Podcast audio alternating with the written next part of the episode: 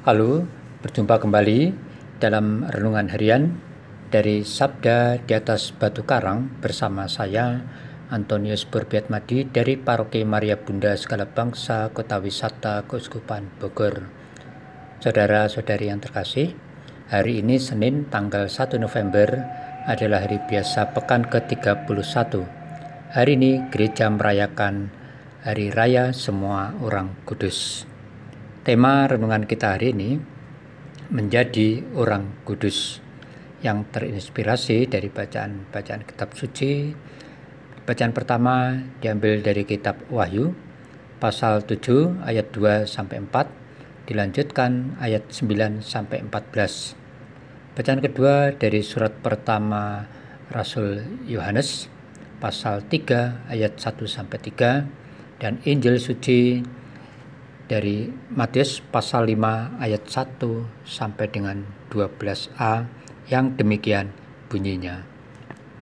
Sekali peristiwa ketika melihat banyak orang yang datang, Yesus mendaki lereng sebuah bukit. Setelah ia duduk, datanglah murid-muridnya. Lalu Yesus pun mulai berbicara dan mengajar mereka, katanya, Berbahagialah orang yang miskin di hadapan Allah, karena merekalah yang mempunyai kerajaan surga. Berbahagialah orang yang berduka cita, karena mereka akan dihibur. Berbahagialah orang yang lemah lembut, karena mereka akan memiliki bumi. Berbahagialah orang yang lapar dan haus akan kebenaran, karena mereka akan dipuaskan. Berbahagialah orang yang murah hati, karena mereka akan beroleh kemurahan Berbahagialah orang yang suci hatinya, karena mereka akan melihat Allah. Berbahagialah orang yang membawa damai, karena mereka akan disebut anak-anak Allah. Berbahagialah orang yang dianiaya demi kebenaran, karena merekalah yang punya kerajaan surga. Berbahagialah kamu jika demi aku kamu dicela dan dianiaya, dan kepadamu difitnahkan segala yang jahat bersukacita dan bergembiralah, karena besarlah ganjaranmu di surga. Demikianlah Injil Tuhan. Terpujilah Kristus. Saudara-saudari yang terkasih, sebagai orang Katolik tentu kita hafal dengan doa syahadat rasuli atau credo. Satu kalimat dari darasan syahadat rasuli atau credo itu berbunyi, Aku percaya akan persekutuan para kudus. Siapa orang kudus adalah mereka yang secara resmi oleh gereja dinyatakan sebagai santo, santa, dan beato, beata. Penetapan sebagai orang kudus tentu gereja memiliki tata cara tersendiri. Lalu bagaimana dengan mereka yang telah meninggal dunia atau diri kita kelak jika meninggal dunia? Apakah juga bisa menjadi pribadi yang boleh berbahagia dalam persekutuan para kudus Allah?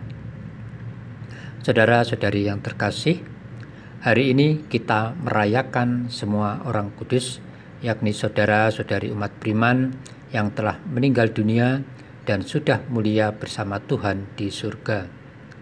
Pesan dari perayaan iman hari ini bahwa kita diingatkan adalah sebagai citra Allah. Maka kita semua dipanggil Allah untuk masuk ke dalam kekudusannya. Karena Allah itu adalah kudus. Paus Fransiskus pernah menyerukan bahwa meskipun kita ini dalam keberdosaan, Allah telah memberi jalan bagi kita untuk menjadi orang kudus. Jalan kekudusan itu bisa kita lakukan dengan tindakan sederhana namun tulus, seperti misalnya dengan melayani Tuhan melalui perhatian dan menolong mereka yang menderita sakit penyakit, yang miskin, yang terbuang, dan sebagainya. Saudara-saudari yang terkasih, semoga dengan perayaan iman hari ini kita terdorong untuk mengupayakan diri akan kekudusan hidup di dunia ini dengan melaksanakan perintah dan kehendak Allah lewat pengajaran Yesus sebagaimana diwartakan dalam Injil hari ini. Ya Yesus, semoga dengan bantuan roh kudusmu, aku mampu menjadikan diriku untuk pantas hidup dalam persekutuan para kudusmu di surga. Amin.